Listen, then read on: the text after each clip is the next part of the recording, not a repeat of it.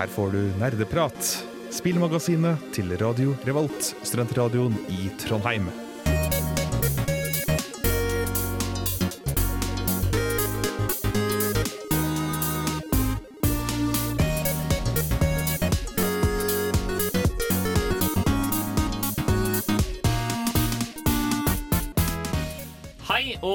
Alle sammen, og velkommen tilbake til en ny episode med Nerdprat. Vi er nok en gang tilbake i studio igjen for å prate om spill, og vi skal prate om rogelikes i dag. Mer spesifikt så skal vi prate om litt kjerneelementer innenfor rogeliken. Um, ha et stort fokus på Binding of Isaac, men også trekke inn andre rogelikes som kanskje har blitt inspirert og lignende. Jeg er Trym Håkon Sundby. Jeg er programleder for i dag, som vanlig. Med meg i studio i dag så har vi Tor Magnus Sjø Mæling. Tai. Bård. Bård på teknikk. Og så har vi en gjest. Eh, du skal få lov til å introdusere deg selv. Ja, hei. Jeg heter eh, Thomas, og jeg er ikke en radioprater. Nei. Thomas er ikke en radioprater, han er faktisk romkameraten min. Eh, men han er veldig veldig glad i Binding of Isaac, så vi lot han være med på sendinga i dag. Synes jeg var helt naturlig. Vi skal få vite, vi skal bli bedre kjent med deg eh, etter vi har hørt en liten låt. Vi skal høre Nella med Ender sammen først her på Nerdeprat. Ikke med meg! Jeg har kraften til Gud og nerdepar på min side. Men hæ?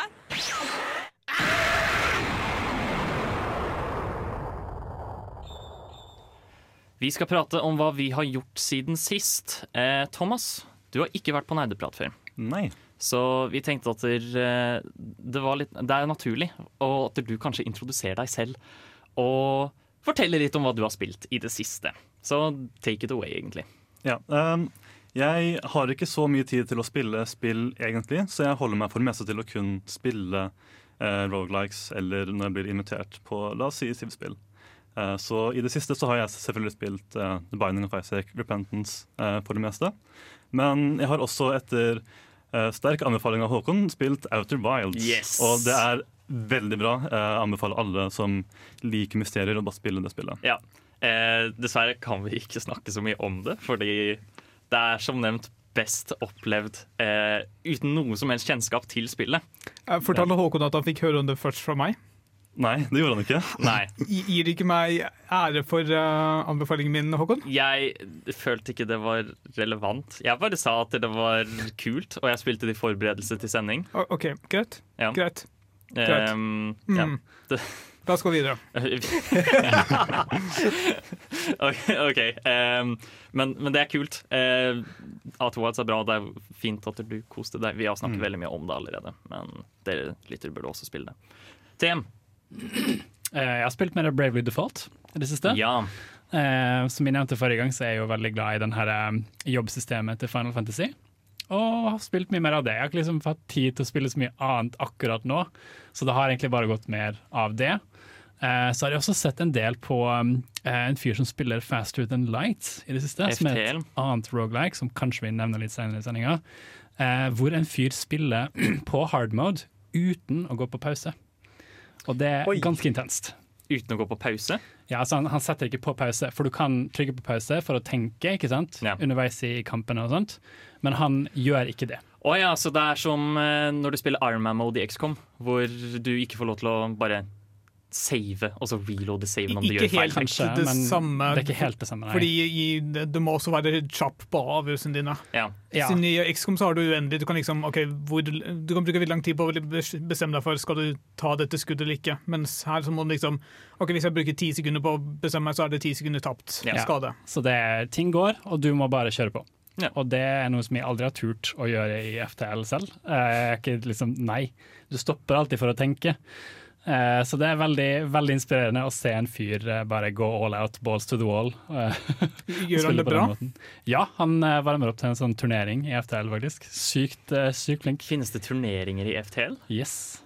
Hva, OK, kan, men, kan, men kan man spille mot hverandre, eller er det bare den som gjør det best? Jeg tror det er den som gjør det best. Jeg har ikke satt meg inn i selve turneringsstrukturen. Ja, jeg vil tippe det er type raskest mulig å bli ferdig med samme Mm. utgangspunkt.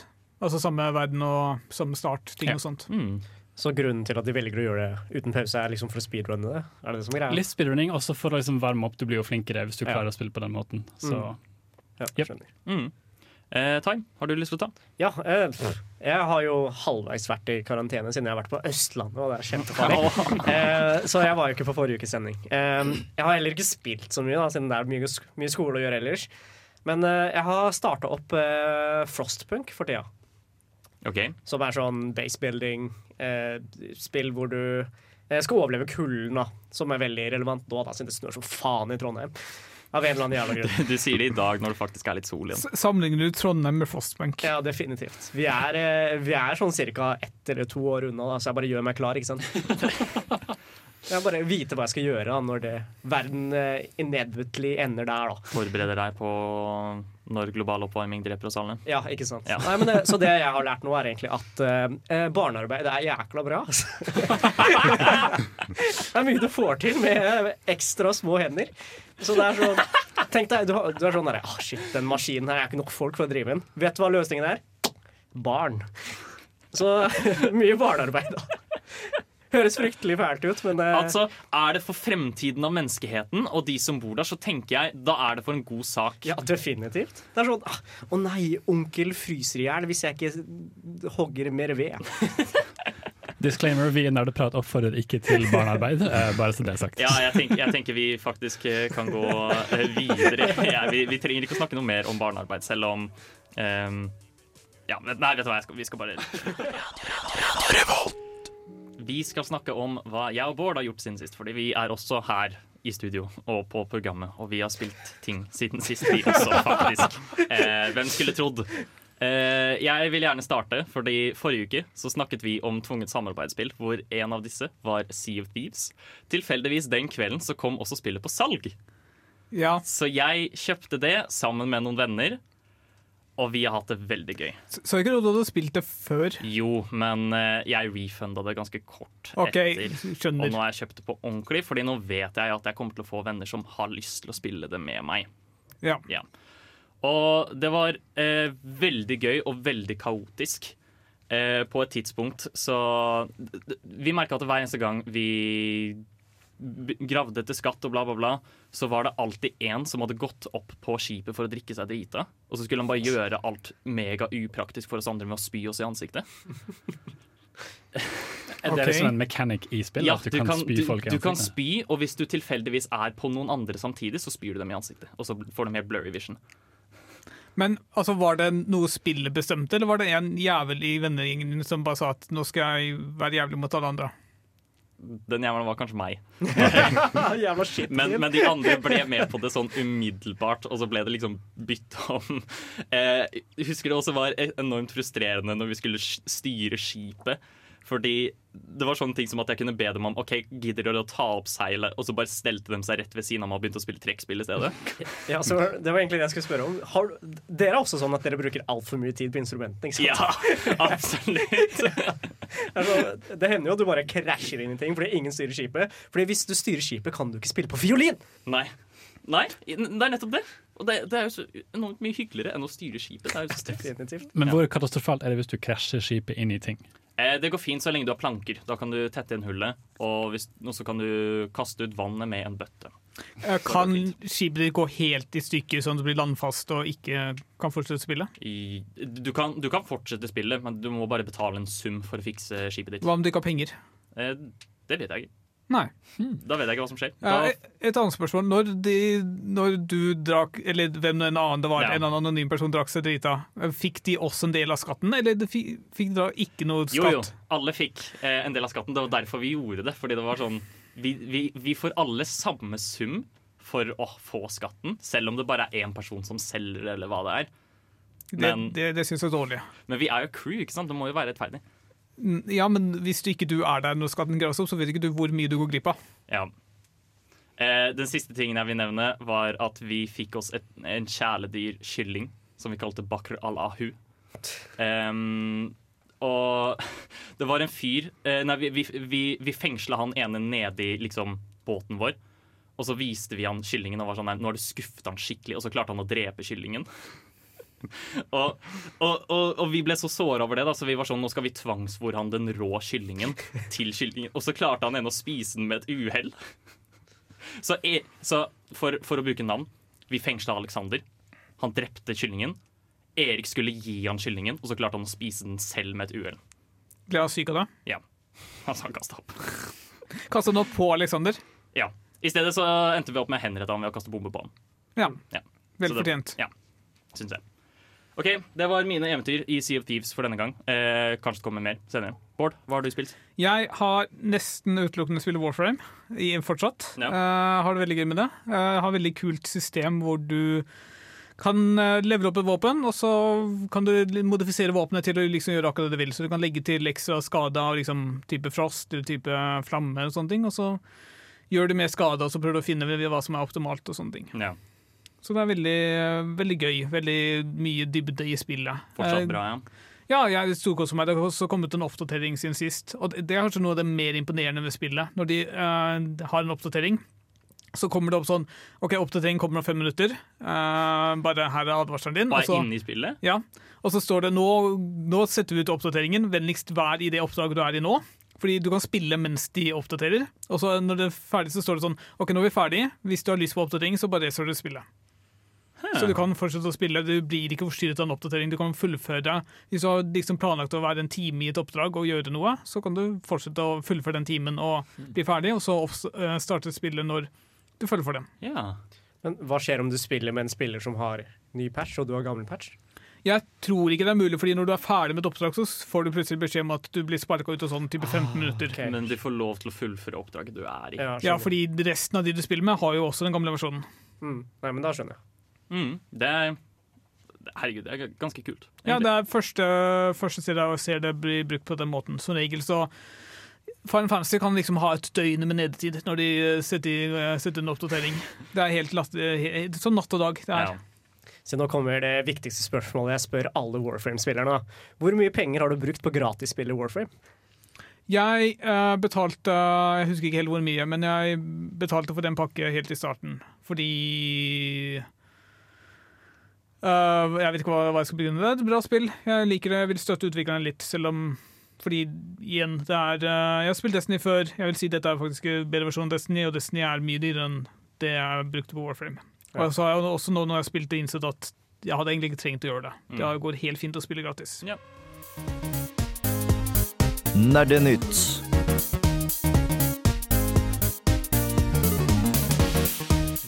Skal ha litt nyheter. Det blir ikke så mye å snakke om, men det er fortsatt noen ting som er merkverdig å nevne. Uh, først så har vi en oppdatering i Near Automata-saken, ikke sant, Bård? Uh, ja.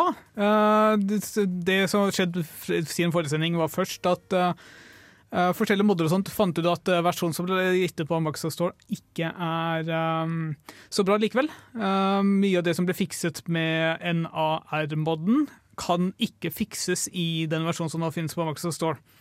Så nå har de vel egentlig konkludert med at den er verre, fordi ting som kan fikses i Steam-versjonen, kan overhodet ikke fikses noensinne i Microsoft Store-versjonen. Ja. Som er litt veldig merkelig. Eh, ja. Men det som er det nyeste som har skjedd, sånn typisk i løpet av de siste ukene, er at Square Enix tror jeg tweeta om at nei, nå skal vi faktisk fikse Steam-versjonen. Etter fire år med stillhet, ingen oppdateringer. Nå er det visstnok tidspunkt å fikse den versjonen på.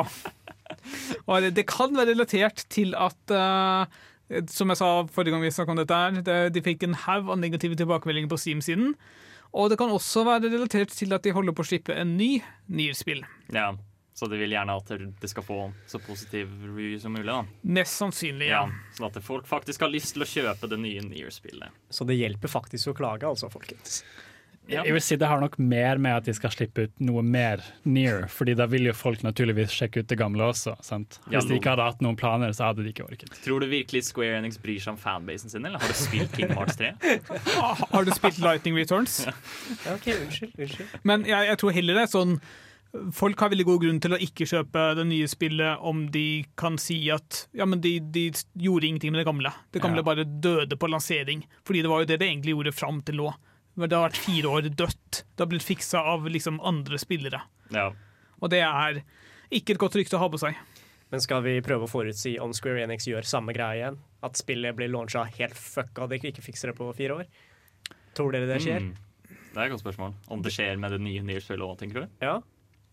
Jeg tror ikke Jeg tror ikke det er like stor sannsynlighet. Jeg tror det er, godt, godt mulig, men i og med at ting har skjedd, det er nok mer likhet mellom konsollene, så er det nok lettere å holde ting oppdatert på tvers av konsoller enn det var tidligere. Jeg vil tro det samme, egentlig. Ja, så dere er optimistiske, da. Ja, men jeg utelukker ikke at de bare finner ut at nei, vi skal fuck over alle sammen. Vi gidder ikke å bruke mer penger på dette her. Jeg skjønner. Det er Square, tross alt. Ja. Ja. Eh, vi går videre. Eh, vi skal snakke litt om Nintendo.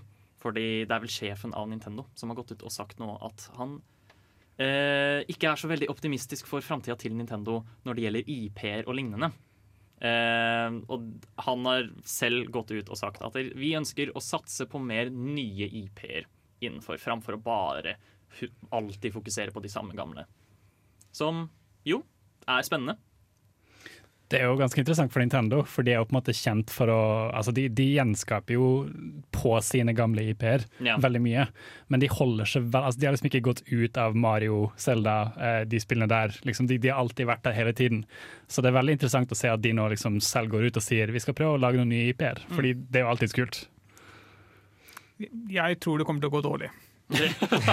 For å være helt ærlig, jeg tror ikke Nintendo har evne til å Altså, I hvert fall ikke på første forsøk. Jeg tror de er litt for inngrodd i liksom, de spillene de nå har laget, til at de klarer å treffe bra på første forsøk.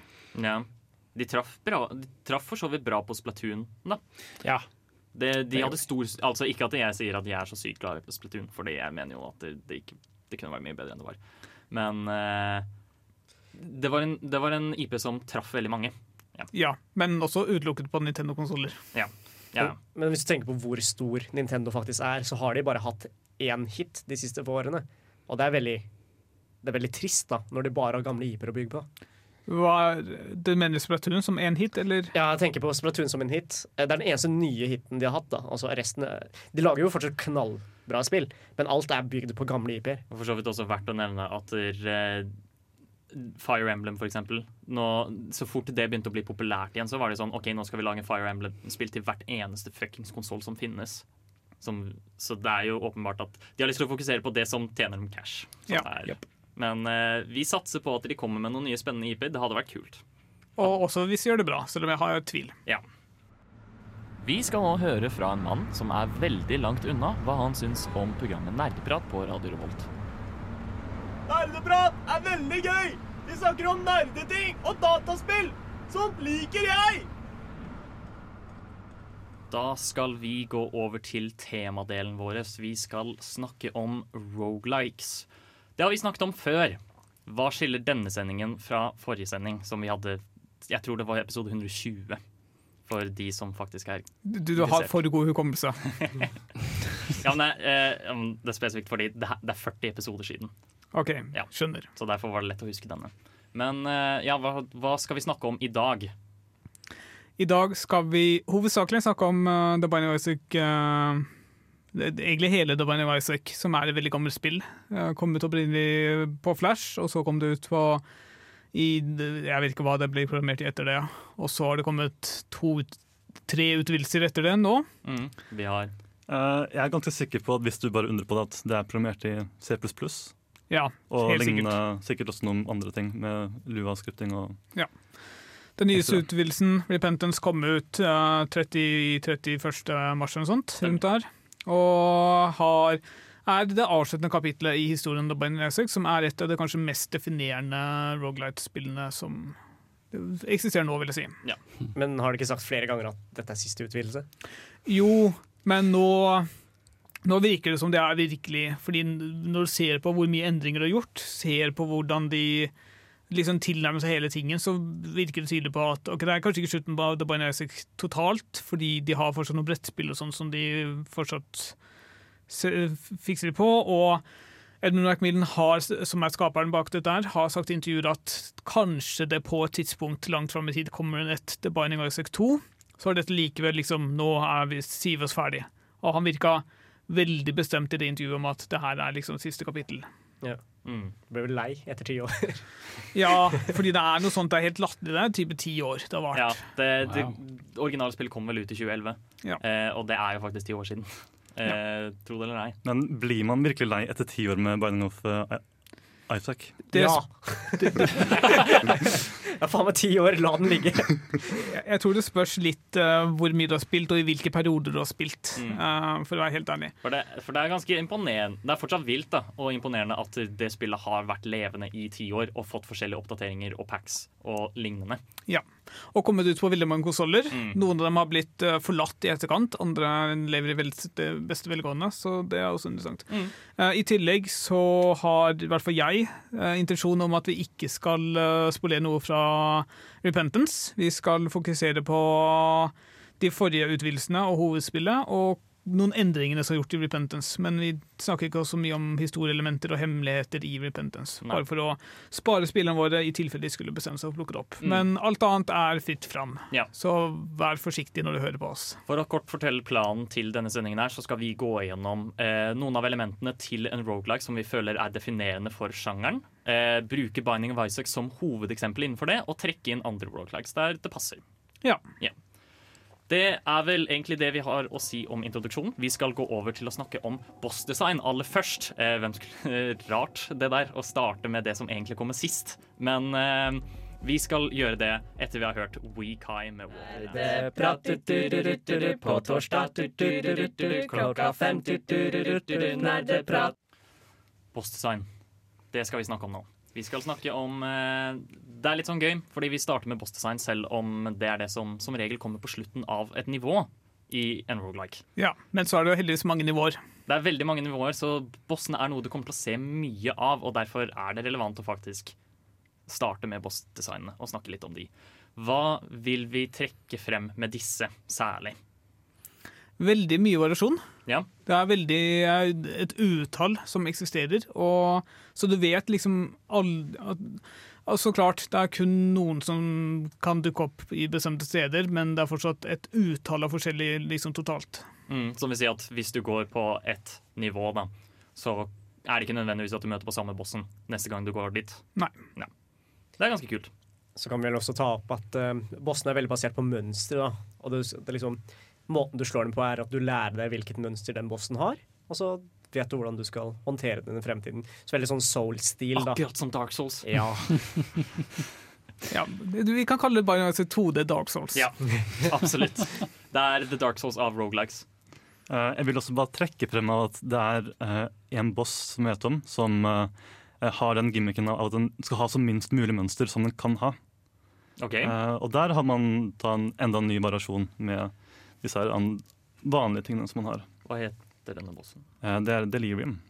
Okay. Ja, den, den er veldig sent i spillet, Ja. så nye spillere trenger ikke å bekymre seg for den, eh, heldigvis. Mm, men eh, det er i hvert fall ja, mer fokus på angrepsmønstre ved, unntak av, ved enkelte unntak. Da. Ja.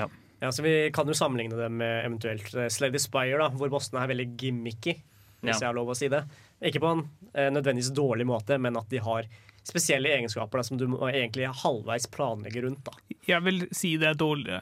Ok, Kanskje ikke nødvendigvis dårlig spilldesign, men det føles litt urettferdig ut å endelig komme til en ny boss, og så bare Å ja, men det jeg har bygget på, har liksom umulighet å slå denne her, så egentlig så må jeg lære meg hva, det, hva denne her gjør, og så må jeg liksom observere om jeg får den eller ikke, og hvis jeg får den, så må jeg gjøre drastiske endringer i strategien min for å kanskje muligens vinne. Men det, det, det, det gjør ting bare mer interessant for det. Ja, jo, kanskje. Eh, og så er det de tingene som jeg typ liker best med det at eh, du må brått endre på ting eh, midt i et spill, er at du tar nye risikoer som du eventuelt ikke ville, ville tatt om det hadde vært mer safe på eh, det bildet du har. Ja, jo. Men det er også litt urettferdig å føle at ok, hele strategien de bygger opp på å trekke og spille masse kort, og så kommer du til en boss som bare Nei, du får ikke lov til å gjøre det, du, i denne kampen. Jeg bare nekter deg. Så du, du, du må Vær så god, tap. Guess I'll die. Ja. Men altså, det er, det er igjen en smakssak. Det er uh, Shells var ikke et dårlig spill pga. det. det er bare, ja, og det er, liksom, det er også noe grunnleggende med kortspill som bare gjør det vanskelig å designe noe annet. Du kan liksom ikke ha så veldig mye angrepsmønster rundt der uten at det er ting du vet på forhånd. Mm. Eventuelt så må du liksom ha en beskrivelse av bossen på forkant, men da hvor er mysteriet, hvor Sånne ting. Så Mm. ja. Det er vel heller ikke så mange uh, rogelike-spill som har sånn type gimmick boss fights. De fleste baserer vel seg på angrepsmønster. Ja. Om du trekker opp spill som Enter the Gungeon, eller selv spill som Dead Cells eller Hades, så Ja. er alle disse basert på at bossen har et gjenkjennelig angrepsmønster som du kan tilpasse deg. Ja, du kan klare det på første forsøk. Det er veldig usannsynlig. Ja. Men hvis du er eh, Dark Souls-ekspert og kan eh, liksom lese alt ut fra det første angrepet, så er det mulig. Ja. Mm. Er det noen spesielle bosser vi vil trekke frem som er godt designet? Bare eksempel fra Isaac. Jeg vil trekke fram noe som var utrolig dårlig designet. Okay. Uh, Delirium spesielt. Ja. uh, Delirium er bare en endeløs kamp som aldri tar slutt, og du, du, du, du starter ikke på den engang før du vet at OK, jeg har en nubbesjanse til å klare det, og det er liksom et ekstremt kraftig uh, runde. Et annet eksempel, som er et forhåndskrav for Delirium, er uh, Hush, som også er de har et eller annet merkelig bakgrunn der, en eller annen ting som bare ikke eksisterer på noen andre bosser, så den tar også en uendelighet å kjempe, eller å slå. Jeg vet ikke om det her er en greie lenger, men i, hvert fall i Afterbirth så var det en ting at Hush hadde en sånn der første fase hvor han kalkulerer damagen du har. Og så reduserer den da den damagen du har, basert på hvor mye damage du gjorde. Det er helt sinnssykt. Det er så utrolig dårlig gjort. Og det er, det er kanskje en av grunnene til at er Afterbirth, eller den delen av spillet har fått ganske mye kritikk, og det vil jeg si er rettmessig. Så jeg er også helt enig der. Altså. Um, mye av gleden av Isaac er at du kan bli såpass OP at du bare kan pløye ned ting foran deg. Og de, det eneste de gjør med å damage-cappe eh, bosser, er egentlig å ta den gleden fra deg. Så det er jo veldig Altså, Det bare tvinger deg til å bruke masse tid på det som du egentlig ikke har lyst til. Mm. Ja.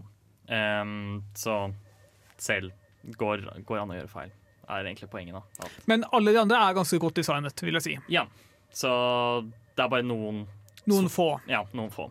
Men eh, det, det er i hvert fall mye av det som definerer bossfightene, og det er en stor del av spillet, så det er absolutt viktig å snakke om. Men noe som vi også burde snakke om, absolutt er karakterene du styrer i spillet, og det skal vi gjøre etter vi har hørt Brockhampton med Buzzcut. Du får en remake, og du får en remake, og du får en remake. Alle får en remake. Vi skal snakke om karakterdesign i Roguelikes. Eh, hva har vi lyst til å starte med her? Fordi dette Det er kanskje Det er en stor mekanikk, i hvert fall i veldig mange av dem, men hva er det som gjør Hva er forskjellen på å spille forskjellige karakterer? Jeg vil starte med å trekke fram at uh, å kunne spille flere karakterer, det øker replayabilityen på et spill noe fryktelig mye. Mm. Um, så jeg syns det er en veldig god ting å ha, da. Å ha mange karakterer. Mm. Og så jeg liker jeg veldig godt at eh, i Binary så har du veldig eh, For det første, alle ser ganske like ut sånn grafisk. Du har uh, Isaac som er liksom standardutseende, og så de fleste av karakterene er Isaac da med en uh, parykk i tillegg Ja. oppå. Ja. Og de får starte med liksom spesifikke gjenstander, og liksom noen har litt mer liv enn andre, noen har kanskje en annen type skade den gjør. Sånne ting. ja, for den største forskjellen på karakterene, i hvert fall i Isaac, er vel at eh, de har bare litt forskjellige stat spreads og forskjellige startgjenstander. Mm. Som Ja, ved unntak av noen Noen få hemmelige karakterer, som regel. Ja, sånn som ja, The Lost, var det vel?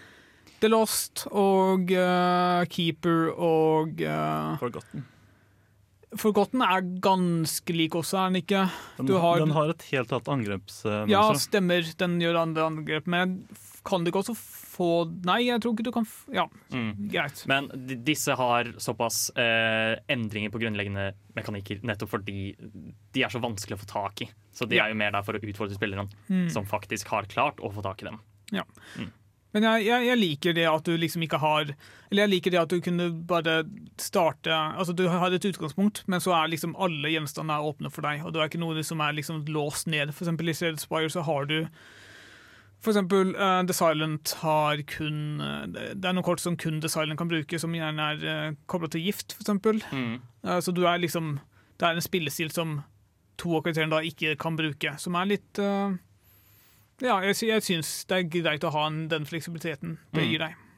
Jeg tror det er mange paralleller her til um, og Hvis dere har hørt om Faster Than Light, som jeg nevnte i stad, Ja. og uh, oppfølger, eller ikke oppfølgerne, men det neste spillet de lagde som heter Into the Breach, som også også har liksom Mange av karakterene og liksom skipene og sånn har uh, forskjeller, uh, men hovedsakelig så er det på en måte forskjellen i evnene du starter med, uh, og ting du får underveis som er mer brukbart avhengig av hva du spiller. Mm. Som da gir replay-valuen veldig Altså det er så mye forskjell du kan spille, sant? som er grunnen til at du vil komme tilbake og prøve ulike kombinasjoner, avhengig av hva du starter som. og, og sånt. Ja, nettopp. Du kan få prøve litt forskjellige ting, Ja. rett og slett.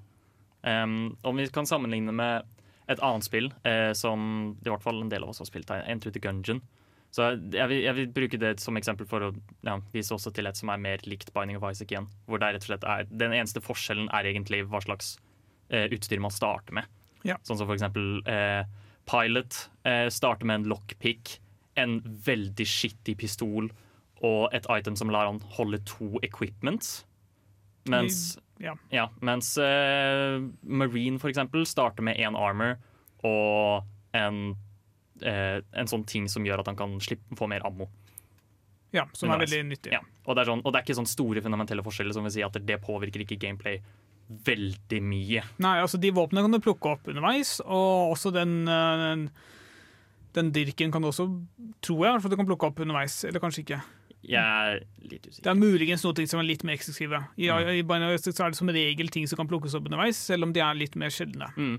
Men dette er store nok endringer til at uh, det er verdt å på en måte prøve de forskjellige karakterene. Ja, definitivt. Ja. Du merker uh, Kanskje den mest spesifikke av dem er, er Cecil, som er, kan fly fra starten av og har veldig, veldig kraftig angrep, men veldig kort rekkevidde. Så du må gjerne gå litt nærme fiendene for å drepe dem. Ja. Og det, det, det skaper for litt flere interessante spillestiler. Noe som eh, jeg også typ bare vil si, er at uh, bitte små stat uh, changes kan også ta og på en måte gjøre at du vil spille veldig annerledes. fordi hvis du uh, ikke kan på en måte komme deg over på den andre siden av uh, brettet innen ti min- minutter, da vil du prøve å klare å sentrere spillestilen din rundt ved å være på ett sted, istedenfor å være overalt hele tiden. Mm. Så ja. Man vil Man tilpasser seg på en måte, Ja. siden man ikke får til den ene tingen. Ja, og jeg tenker da for meg som med karakteren Maggie, som da er en tank. Ja. Uh, og da vil man prøve å få tak i helst mer defensive items, og jobbe da med å uh, bygge opp uh, bildet sitt litt annerledes, så man får muligheten til det. Mm. Ja, Og kanskje bli litt raskere, siden det starter ganske treigt. Mm. Halla, snupper. Vil du være med og høre på nerdprat, eller? OK, her kommer vi! Vi skal snakke om gjenstander. Det som, ja, jeg vil si eh, er med på å definere mye av hva som gjør roguelike til en roguelike. Og spesielt også for Isaac, fordi jeg vil si de er ganske unike. Ja, absolutt. Hva, me- hva, snak, hva mener vi når vi snakker om gjenstander? Det er ting du plukker opp underveis, som definerer uh, ting du kan gjøre, og hvordan du liksom fungerer i spillet. Så i Binary er det veldig stort fokus på um, si, design og estetisk valg. Altså For det første, det har vi egentlig ikke snakket så mye om, men uh, uh, det har en veldig spesiell designstil. Veldig, ting er veldig uh, Kanskje ikke grotesk eller makabert, men det er litt sånn det er mye bæsj, og det er uh, tårer, det blir skyter og sånne ting. Så ting er jo gjerne la, lagt i liksom Altså, ting er skapt for å passe bra med det. De har f.eks. en gjenstand som er uh, BH-en til moren din. Ja.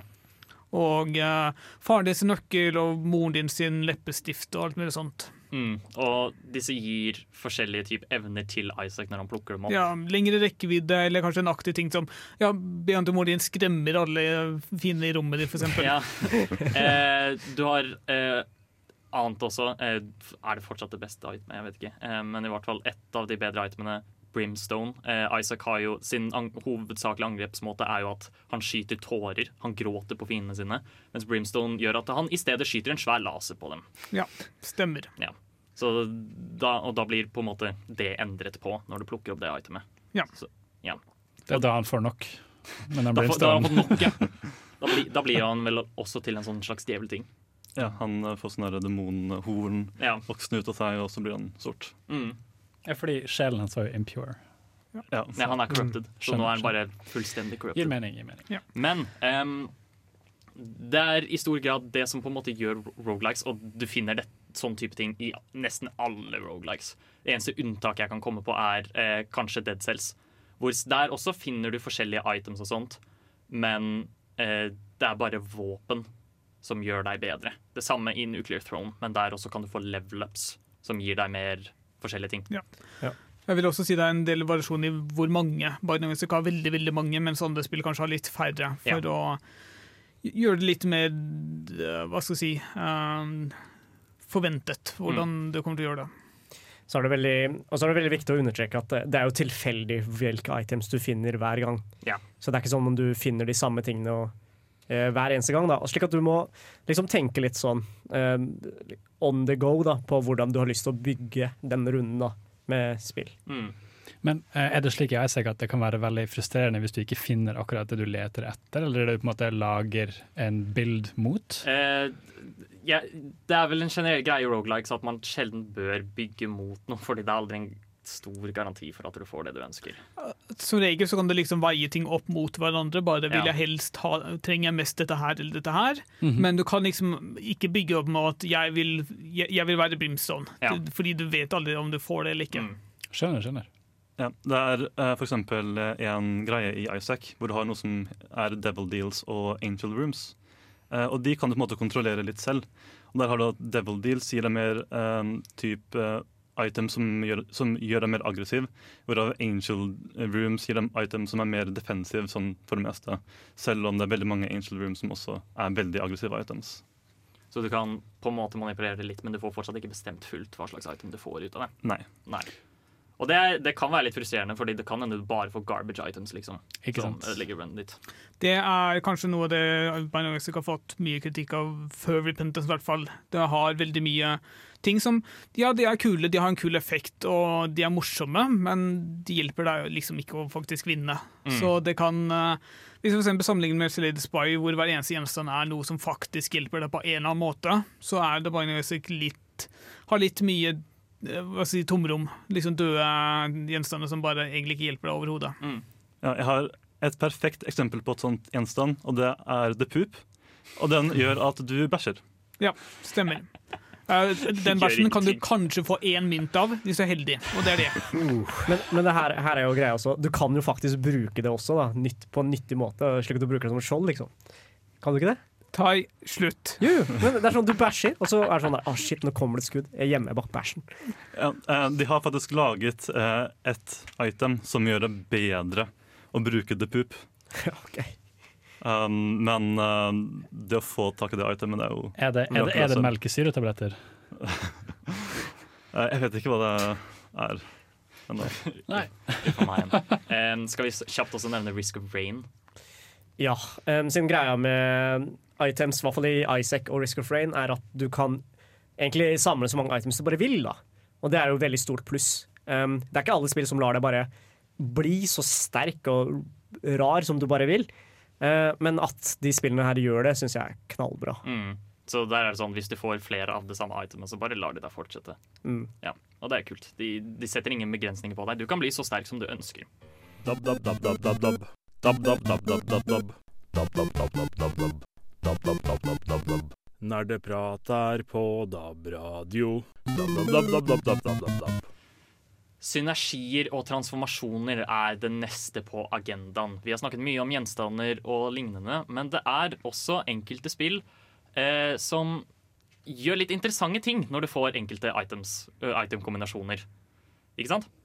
Ja. ja. Uh, jeg vil altså først Vi kan trekke fram Binding fordi synergier er ganske vanlig, det finner du ganske mange spill. Men det som er ganske unikt for The Binary Music, er transformasjoner. Som betyr at hvis du samler opp nok tematisk eh, koblede gjenstander, så kan det bli transformert til noe. Da får du liksom et unikt utseende, og så får du en eller annen effekt. Mm. Eh, hvis du eksempel plukker opp nok bøker, så kan det bli en bokorm. Og jeg husker ikke helt hva, hvordan bonus du får av det, men det er noe du gjerne vil få. Mitt fall, min favoritttransformasjon i spillet er spønn. Fordi da tar du nok narkotika slik at du blir gal. Ja, du tar nok sprøyter til Ja. at du får en bonus av det. Veldig tematisk eh, tilpasset da, til det jeg Mm. driver med. Så du Ja. transformeres til en narkis. Ja. Og så har du også, hvis du tar eh, mange nok uh, soppgjenstander, så blir du det, det som på engelsk kalles en fun guy. Så fun guy, hæ, hæ, hæ, hæ? Ja, hæ? ja. Nå fikk jeg litt sånn vondt. Um, Enter the Gungeon har vel også lignende system. Ja, uh, Under Gungeon har vært veldig flink. Jeg tror ikke det var så mye helt i starten, men etter hvert så la de til masse synergier mellom våpen og sånne ting. Type Ja. at Hvis du har dette våpenet og dette våpenet, så bare fungerer de sammen på en eller annen, en eller annen kul, unik, ny måte. Ja. Ja, Der la de vel også til en karakter som har den gimmicken av at han bare aktiverer alle synergiene til våpenet Ja, stemmer.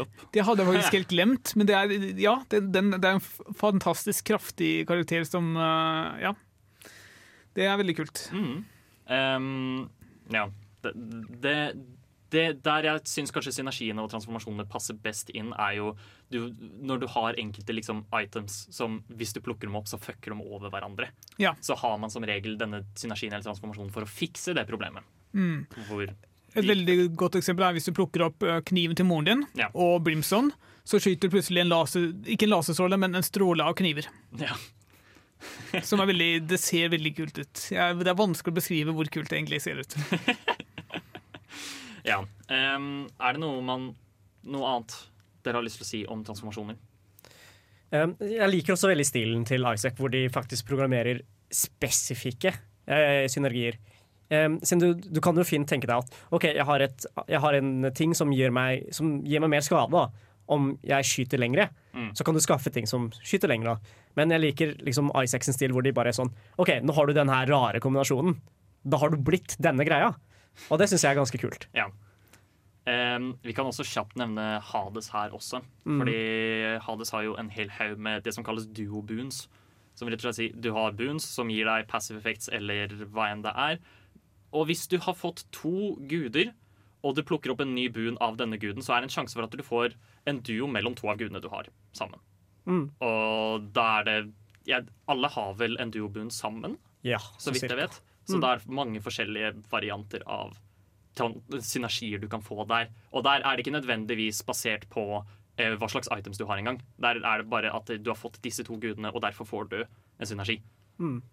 Og så kan vi også nevne at uh, med Binding Isaac også for så vidt Risk Rain, når du har veldig mange forskjellige gjenstander som du du kan få uendelig av, så er det veldig lett å bare få ok, du, hver, hver gang du tar skade, så mister du en mynt, og hver gang du plukker opp en mynt, så får du et liv. Så kan du få liksom ting som bare går uendelig, og som deg Altså som gir deg fordeler på den måten, da. Ja.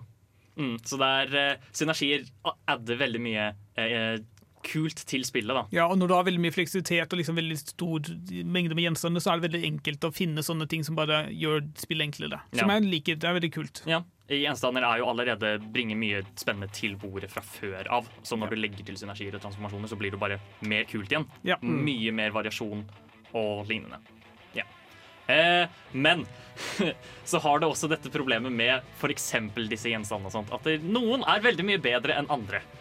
Og det skal vi snakke om nå. Vi skal snakke om balansering av items og lignende ting i Rogalikes etter vi har hørt Civic med Tell the Paper. Ohayo, minisan, konnichiwa. Du hører på Nerdeprat, nja-nja. På Radio Revolt, desene. Uvu. Før vi starter å snakke, så er det bare verdt å nevne at Thea er ikke med oss i studio lenger. Han ble syk, så han måtte gå hjem. Og vi ønsker han god bedring. Ja. Det var det vi skulle si. Nå skal vi snakke om balansering i rogelikes. Det er utrolig vanskelig. Utrolig vanskelig. Det Definitivt. der, ja. Hvorfor det? Det, det, det, Er det kanskje litt stort spørsmål? Ja eller nei. Altså, jeg kan jo ta veldig godt altså, Binding Isaac er et veldig godt eksempel. Uh, jeg, er av, jeg er veldig overbevist om at uh, balansering ikke, omtrent ikke eksisterte før Repentance. Jeg er litt usikker på om Repentance fiksa det, men eller, altså, i perioden mellom Rebirth slash Afterbirth og Repentance så var det katastrofe. Det var så mye tull du kunne plukke opp som bare ikke hjalp over hodet, som gjorde spillet mye vanskeligere enn det ville. Altså Ikke bare at det gjør det vanskelig, men også frustrerende. bare, Å ja, den tingen her som jeg hater, som jeg ikke har lyst til å se igjen, dukke opp igjen. Mm. Og ja, uh, mange ting som bare skader deg mer enn det faktisk hjelper deg. Sånne ting som bare gjør spillet Ja, altså det er en grunn til at uh, en, listen over endringer fra tidligere spill var jeg, jeg husker ikke hvor lang gang jeg, jeg tror Det han sa var at hvis han skulle skrive det i liksom Steam-oppdateringsposter, så hadde det vært seks poster med endringer. Fy faen. Ja. Um, det første som altså, Jeg vet at du tenker på det her, uh, Bård, og det er uh, Automan Bob's Det er bra, og det kommer alltid til å være bra. Uh, kan du si det igjen? Eh, Stripen din var litt eh, Ja. ødelagt. Um, så det jeg tror du, du, Noe av det du, du tenker på, er itemen Bob's Brain. Nei, jeg tenker ikke egentlig på Bob's Brain. Bob's Ja. Brain er helt, helt grei. Okay. Nei, Bob Brain suger, du. Hva faen snakker du om? Nei, altså, Bob's Brain er ikke så ille. Det som var ille, var type uh, Curse of the Tower, som bare du får masse bomber til å du mister rom, uh, komme i rommet ditt, som du har veldig vanskelig for å gå unna. Det er sånn som soy, altså, soyamelk, som eh, Nå som de fikser det, så er det greit, fordi nå har de fjerna det at uh, fiender blir dytta tilbake etter hvert eneste skudd, men tidligere så Fiender ble dyttet tilbake etter hvert eneste skudd, så gjorde det umulig å faktisk gjøre konsistent skade på dem. Ja, det er altså et, eh, en gjenstand som gjør at du skyter mye oftere enn før, men at hvert skudd gjør mye mindre skade. Altså, Jeg hører hva du sier, men begge disse itemsa har, har redda flere runs som jeg har hatt. Og, ja. Så, ok, nå, nå kommer jeg med det som er definitivt er et dårlig item, som du ikke kan benekte. Ippekakk. Slutt. Det er kanskje et det beste. Hva snakker du om, Ippekakk? Det dreper alle på ett skudd. Det dreper deg selv på et skudd. Det er det som er problemet. Ja, ikke hvis du er immun mot eksplosiv skade. Ja, men da er du immun mot eksplosiv skade. Da er det en helt annen sak. Det er heller ikke stress hvis du er god. Wow! Det er bare å være god. Hørte jeg nettopp en git good fra deg? Men ja, eh, for å gå tilbake til temaet. eh, De har gjort en del balans, balanseendringer i spillet nå som jeg vil si er, var, var på tide. De har også gjort spillet vanskeligere, men det er kanskje en litt annen sak. De har endret den muligheten for spillet å bare bli brukket og veldig enkelt med hjelp av kanskje én-to gjenstander. Nå er det, når de hever terskelen bitte litt. Det er sånn som ting som kan, du kan gjøre i det uendelige, eksisterer ikke like ofte nå lenger, som er en god ting. Siden på, eksakt, på motsatt side av det vi har sagt, da, så er det jo sånn at vi har noen ting som vi vet er, kan være dårlige, eller er dårlige, men så har du også noen items som du bare Det er liksom guddommelig å få det i, siden da er det ikke noe gøy mer. på et Ja, punkt. hvor det er sånn eh, Kult at man skal få denne power fantasyen, men når spillet kan bli brukket av to items, Ja. så er det Det blir mye mindre spennende. Mm. Eh, åh, jeg kan trekke fram Dead Cells her, eksempel. Eh, de to runsa jeg har klart på Dead Cells, den ene hvor jeg hadde en, det som kalles en stemcell, det er basically det som gjør spillet vanskeligere. Eh, begge disse var med to turrets pluss en bue. Eh, og så bare scaler du Så bare leveler du opp tacticsen din hele tiden. Og så er det bare så utrolig safe, og du gjør så mye damage at det var sånn Det er ingen grunn til at jeg skal bygge noe annet. Mm. Eh, og det er den eneste gangen jeg har klart å slå siste boss. Og da er det sånn, hvorfor skal jeg bygge noe annet? Det er jo den mest optimale Ja, tingen. ikke sant. Ja. Eh, Så, men eh, det viser jo bare at det er ikke bare Isaac som sliter med å balansere ATM-ene sine. Det er jo en veldig vanskelig ting å gjøre generelt. ja. Men i Isaac har, der er det tilknyttet design, altså designvalget som er gjort med at de skal ha ting som gjør morsomme ting, som gjør kule ting, og derfor kan fort bli ubrukelige når du faktisk prøver å vinne. Selv om det kan være veldig kult å liksom, å ja, du bæsjer hvert eneste rom, så det hjelper deg jo ingenting. Det er funny. Ja. det er derfor det er det her. Ja, nettopp. Um, ja, det, så, så det er ikke en lett oppgave, men det er uh, Ja, det, det er vel egentlig en viktig oppgave da, for å gjøre spillet gøy.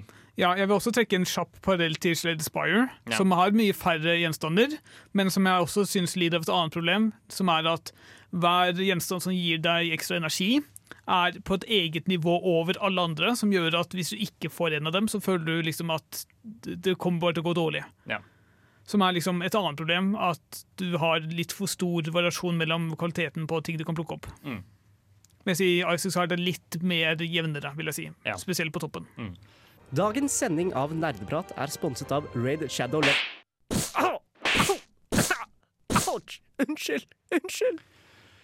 De fleste rogelikes er, eh, har som kjennetrekk at når du dør, så må du starte helt på nytt. Eh, og at det, er egentlig det. Det er på en måte ingen måter du kan komme deg opp igjen. Men Og, så, men også når du vinner. også når du vinner. ja. Da må du også starte på nytt. Eh, hvis du har lyst til å vinne igjen, så må du spille gjennom hele spillet på nytt. Eh, men det er også enkelte spill og, eh, som gir deg små elementer av progresjon bare av å spille spillet. Eh, kan vi, vi kan starte med Isaac, som i hovedsak lag, gir deg ekstra startgjenstander. Ja, men de er, de er ikke helt åpenbare. De må du liksom lete deg fram til hvordan du faktisk får låst opp. Den mest åpenbare progresjonen er jo at uh, spillet blir gradvis låst opp uh, ettersom du spiller det. Du starter med og kanskje går, er det fire eller seks etasjer ned, og Ja. så, går du, så går du to ekstra etasjer. Og etter Og hvert så- som du slår siste boss så og så mange ganger, så låses mer av spillet opp. Ja. Ja. Nettopp. Mm. Og I tillegg så blir det vanskeligere. Du har en vanskeligere modus som blir låst opp etter hvert. Mm. Så spillet tilpasses nesten av deg. og hvor godt du gjør det. Så ettersom du gjør det bedre, så blir spillet vanskeligere også. Ja, det er en slags myk start. Bare sånn, ok, Nå får du lov til å teste, altså vasse litt i uh, strandkanten før Ja. du liksom hopper ut i det. Mm.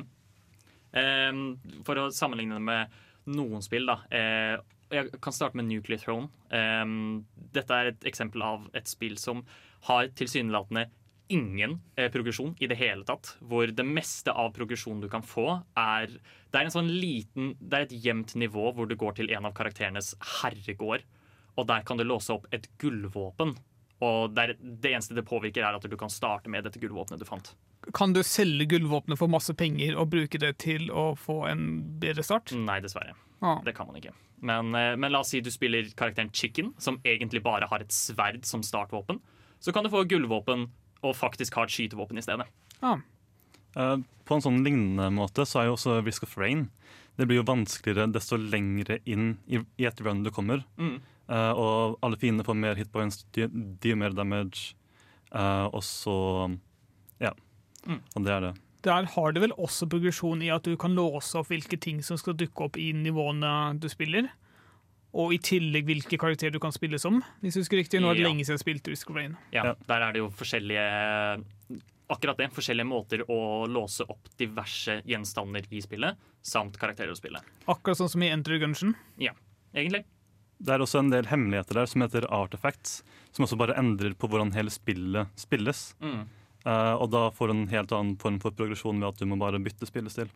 Det er for, eksempel, eh, for å vise eksempler så er det et, en artefakt som lar deg velge hvilke items du skal ha, sånn at du kan lage din drømmebild og nå det i en Game Fantasy superlett. Så er det enkelte som eksempel er sånn eh, Nei, det er kun én fiende eh, som spåner. Én type fiende som spåner eh, på hvert map. Og så må Ja. du tilpasse deg det, og så kan det være en av de vanskeligste fiendene. liksom. Det er jo gøy. Ja. Ehm, så det er sånn gøyale ting der. I den andre enden av spektrum igjen så har vi Hades, som har enormt mye progresjon involvert. Ja, men progresjonen der er jo bygget på en veldig annen måte. Da. Um, mens Isaacs blir det jo egentlig vanskeligere for hver gang du spiller gjennom. Så blir jo um, Hades egentlig mye lettere eh, når du har spilt gjennom det nok. Mm. Fordi du får eh, passive og aktive oppgraderinger da, som du kan uh, få gjennom å bruke en slags ja, valuta da, som du må tjene gjennom spillet. Ja, Så du spiller spillet, og så får du denne valutaen. Du får mer og mer, og så kan du oppgradere ting som at du får mer liv. Eh, du får kule bonuser som når du bruker liksom casten din, som er en slags ja, spillcast, eh, og den låser seg i fiender, så kan du gjøre mer damage på dem og lignende. Mm. Eh, generelle ting som bare gjør spillet lettere etter hvert som du har spilt det mer. Jeg vil også kjapt nevne Shed Spire, som har et, en system som heter Ascension. Som vil si at når du klarer spillet, så har du lov til å liksom øke vanskelighetsgraden på neste tur. da, Helt Mm. opp til nivå 20, tror jeg. Noe sånt. Som bare for å vise at du, ok, jeg er såpass god, eksempel. Ja. Så har du faktisk ikke et tall på ferdighetene dine. Mm. Men eh, progresjon er kult. Eh, det er, og jeg syns de fleste Rogalikes får det til eh, uten at det på en måte ødelegger hele greia om at om du dør, så dør du. En ting som er en litt sånn ja, hva skal man kalle merkelig del av Rogalikes, men som har blitt en ganske fast ting, er nettopp dette med hemmeligheter. Eh, veldig, føler jeg, inspirert av de klassiske type Doom-dagene, hvor det bare var eh, veldig mange sånn nesten litt kryptiske hemmeligheter av og til gjemt rundt i spillet. Så Mm. hvor du kan låse opp forskjellige ting dersom du finner dem. Og så vil jeg si at uh, The Binding of spesielt uh, had, var en ganske stor forkjemper for det, hvor det er masse hemmeligheter, både små og større. Uh, helt i starten av spillet så er det jo ting som nå er faktisk vises inni i spillet til spilleren, uh, var altså sett på som en hemmelighet av mange spillere. Jeg tør til og med påstå eh, at Bind of Isaac går litt for langt med antall hemmeligheter det har. For fy faen, ass. Det går jo ikke an å spille spillet som en vanlig person. Du må være sånn bare Oh my god! Ja, hvorfor gjorde du ikke det? Det der er en liten hemmelighet. Jeg er ikke uenig med deg.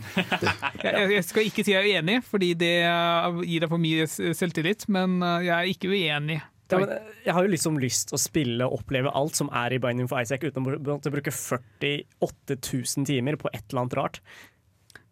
Men det er noe med Sånn som Out of Wilds, som vi tre andre har spilt her. Det er noe med oppdagelses, uh, oppdagelsesferden. Det å faktisk oppdage ting av seg selv, og ikke kun bare lese fram til svaret. Eh, en ting som jeg vil kommentere på det med at Isaac har veldig obskure hemmeligheter. som er, Jeg tror ikke det her er en ting i spillet lenger, men for å unlocke The Lost, i hvert fall i Rebirth, så måtte du gå til et, et spesielt rom, dø, starte spillet på nytt, gå til en spesiell eh, eh, sånn monster, og så dø der, og så starte på nytt. og sånn fortsette for bare å unlocke den ene Det stemmer at det ikke lenger er måten å gjøre det på. Jeg, jeg skal droppe å si hva den nåværende måten er, bare for å eh, spare lytterne våre for det. Men den er vel ikke like kryptisk, antar jeg. Nei, den er ikke like kryptisk. Nei, nå, nå er det eh, realistisk at du klarer å låse den opp. Ja, fordi det er sånn eh, kult at hemmeligheter er godt gjemt, og sånt, men det skal være realistisk å finne dem naturlig. Ja. Fordi det er sånn, Hvordan i helvete hadde noen klart å finne det på en naturlig måte? Jeg vet faktisk svaret på det. Jeg kan ta kjapt. Det er noen lapper eller noen ting. Jeg tror det er spådommer og sånt. Jeg husker ikke helt, men det er tekst i spillet som beskrev hvordan du skulle gjøre det. Ja. Men det var ment som en, liksom en ordentlig hemmelighet. Type ja, altså som spillet var, skulle bruke tid på å finne. Men et spill som jeg syns gjør det veldig veldig bra med eh, å gjemme hemmeligheter, er egentlig Risk of Rain. 2. Ja. Fordi der er det Hemmelighetene der er ikke altfor obskure. Det er sånn du finner en knapp på bakken, så blir det Å nei, hva gjør knappen? Mm. Så plutselig Det er mye lettere og mer intuitivt da, å finne seg fram der, syns jeg. Du går til eksempel ørkenområdet, og så ser du en låst dør, og så er det sånn Hm, hva er dette for noe? Mm. Og så finner du en knapp, og så er det sånn Oi, det låser sikkert opp den døra. Mm. Og, og det er jo hemmeligheter hvor du også kan låse opp nye items og sånt, som faktisk ikke er så vanskelig å finne fram til. Ja. Men jeg vil like i hvert fall mye mer den stilen av å gjemme ting, enn å gjemme ting bak lapper som du bruker 40 000 år på å finne. Mm. For, for så vidt. Fordi eh, det er jo også det som er definerende, og det er at det, det er ikke bare liksom sånn endings og lignende som er gjemt bak eh, disse hemmelighetene og sånt. Ofte så er det gjenstander og karakterer. Som, Og bosser og Ja, alt mulig sånt. Og bosser og lignende, som vil si at der, eh, deler av spillet er gjemt fra deg gjennom disse hemmelighetene. Og det er ikke så gøy hvis du ikke klarer å finne fram til det. Nei, spesielt Uh, Dette er et lite tips til lytterne. Uh, mye, noen deler av Isaac er gjemt bak tidsfrister. Som er også utrolig frustrerende, egentlig. Ja, Det er vel også for så vidt ganske vanlig i Rogalikes. Jeg vet både Dead Cells har eh, en sånn dør som Men det er ikke en hemmelighet. Det, du ser Ja. døren, du vet den eksisterer. Mm. Uh, hvis du ikke klarer tidsfristen i Isaac, så vet du ikke at den eksisterer. Ja. Det er et godt poeng, faktisk. Eh, så det er et kult konsept, men litt frustrerende utført, i hvert fall i Isaac. Kanskje Ja. enkelte tilfeller. Men jeg liker det bedre enn ingen hemmeligheter, sånn som Slade Spire har. Det er jeg enig i. Radida til bardaga. Ja! Ra ra radida. Ja! til, til bardaga. Nerdeprat på Radio Revolt! Ja! Som, vi, vi har snakket litt om det allerede nå i sendingen, men eh, en av de større delene av Rogelikes er rett og slett tilfeldigheter. Ehm, ja. Det er så klart, Du vet aldri hvilken gjenstand du plukker opp, Ja. så det er vanskelig å Eller hvilken boss du møter. Nei, nettopp. Eh, du hadde lyst til å starte med å snakke om en unik mekanikk til Isaac. akkurat Ja, fordi dette. i The Binding of Isaac så har du, i tillegg til liksom vanlig mengde med tilfeldigheter, så har du også noen gjenstander og noen rom som er eh, basert på terninger. Og da har du eh, D6, eh, altså en vanlig sekskantet terning, som lar Isaac trille Altså ta sjansen på en gjenstand i et rom. Ja. Så hvis, ikke, hvis du ikke liker den gjenstanden du er, eh, har fått tilbud, så kan du trykke på det, bruke den gjenstanden og få en annen tilfeldig en. Ja, få den nyttet. Ja. Og der finnes også en D4 som liksom lar deg gjøre det med alle, alle gjenstandene du har plukket opp hittil. Og videre dette så har du også et terningrom, som er liksom Du har et terningssymbol på bakken, og så har hvert, hvert antall med eh, øyne har en spesiell effekt. Som da påvirker ting. Ja. Som da jeg lar lytteren finne ut av seg selv. Ja. Ja, så det er det som er ulempen. da. Det er litt, det er litt uh, nybegynnerfiendtlig å bare ha et rom som, hvor du går inn, og så skjer det et eller annet ting som ødelegger alt. Ja. Så har du liksom brukt så mye tid og innsats for å bygge denne perfekt runen din, så går du inn i et x antall rom, og så er det bare Oi, ja, shit, det er det som skjer, ja.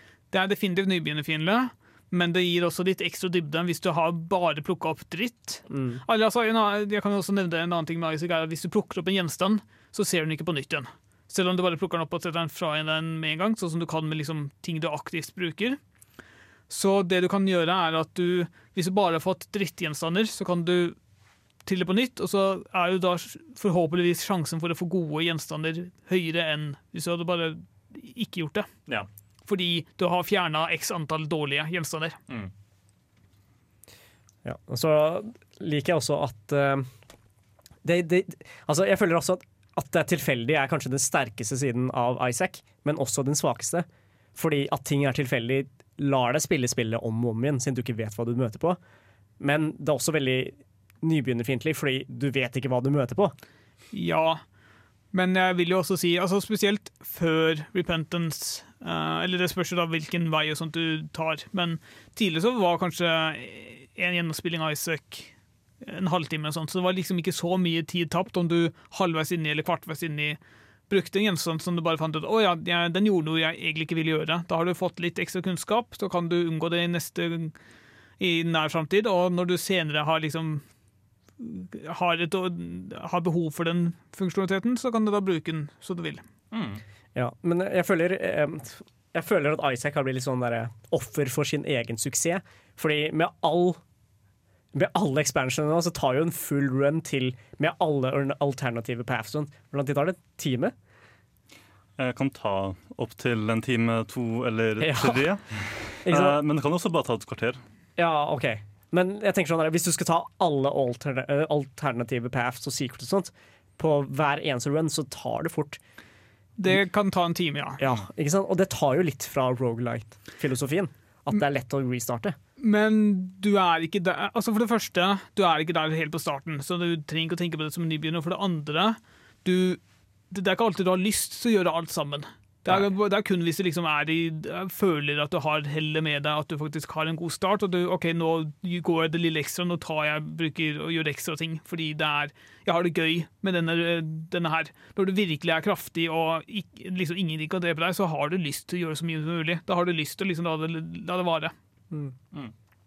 Ja, fordi um, Jeg er ikke helt sikker på det, men de der alternative stiene som kommer uh, fra modden Antibirth, jeg er veldig sikker på at de ikke er åpne til å begynne med også. Ja. Uh, så du har Spillet er veldig streamlina uh, for at du kan mislykke i begynnelsen. Mm. Eh, som et siste eksempel jeg vil trekke frem, er eh, Spelunky. Som eh, er, har tilfeldigheter på helt andre måter, og det er rett og slett at du får drittrom. Som bare er enormt upraktisk å navigere og lignende. Mm. Så det er en stor del av egentlig alle typer rogelikes.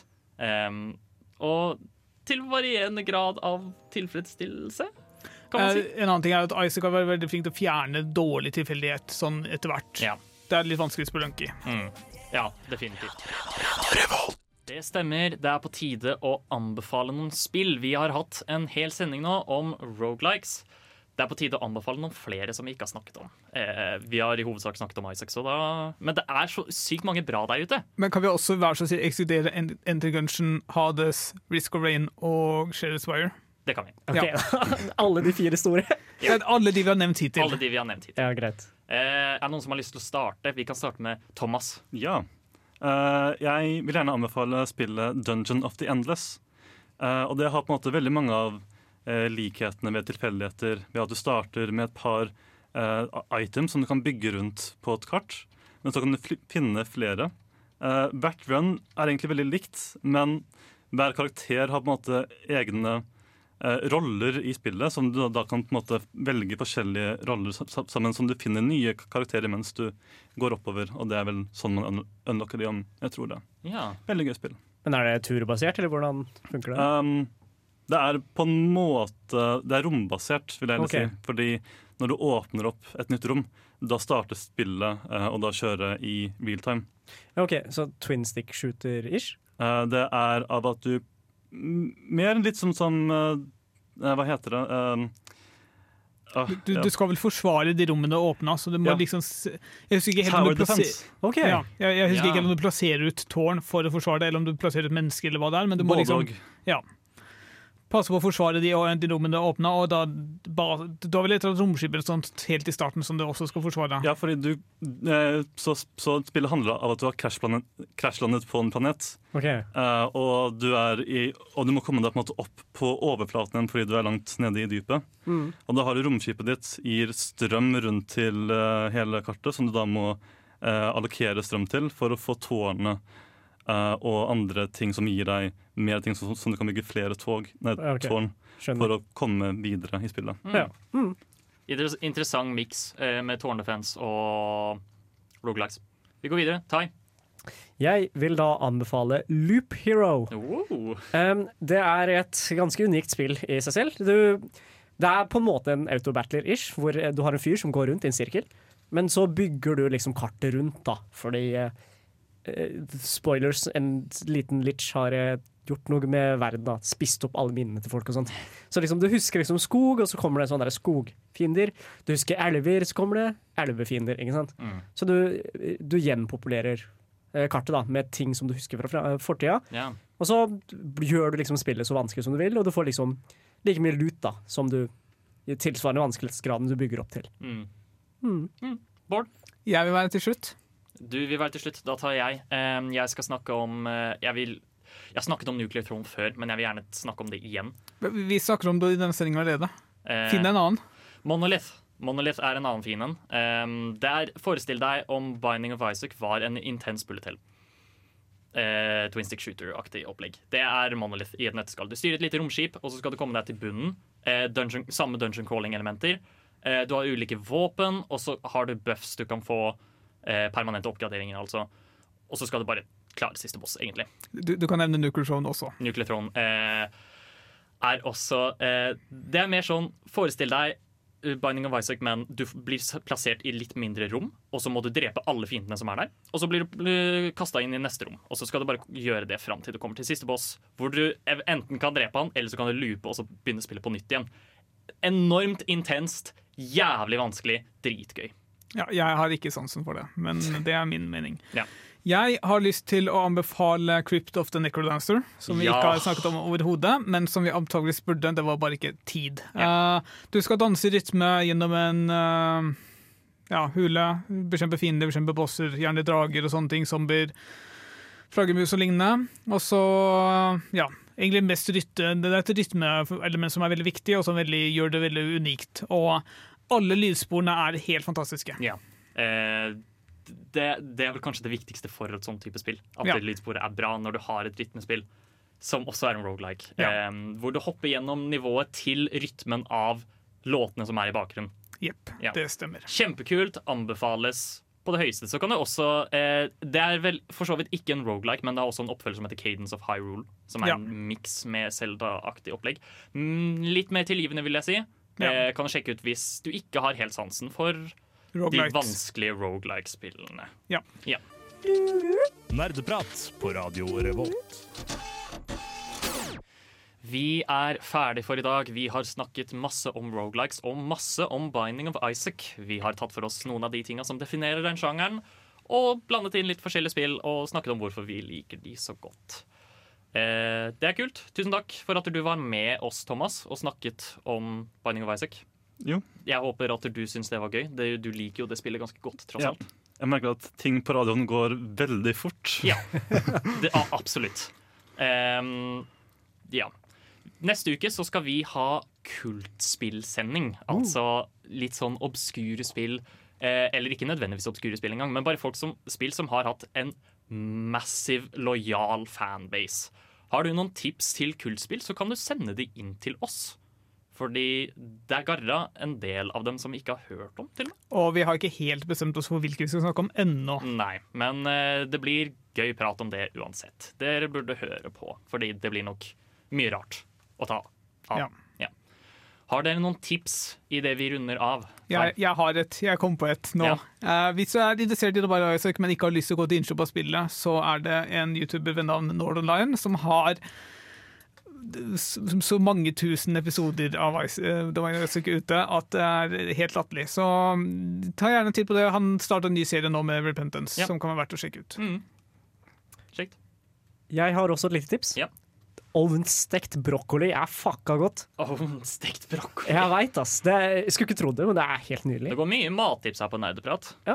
Matprat. Matprat. Ja. Kjekt, det. Uh, mitt tips er det å alltid være kritisk til, til det du hører på internettet. Og, Wow. og på radio. Oi, oi, oi, oi. Virkelig. Uh, ja, Ikke hør på Håkon. faktasjekk Uh, alt jeg sier, fordi jeg er notorisk kjent for å ta feil. Eller lyve. Eh, ja, eller lyve. Det òg. Det var alt vi hadde for i dag. Eh, nå skal dere få høre A Million Pineapples med By Our Own and Alone. Ha det bra! Ha det!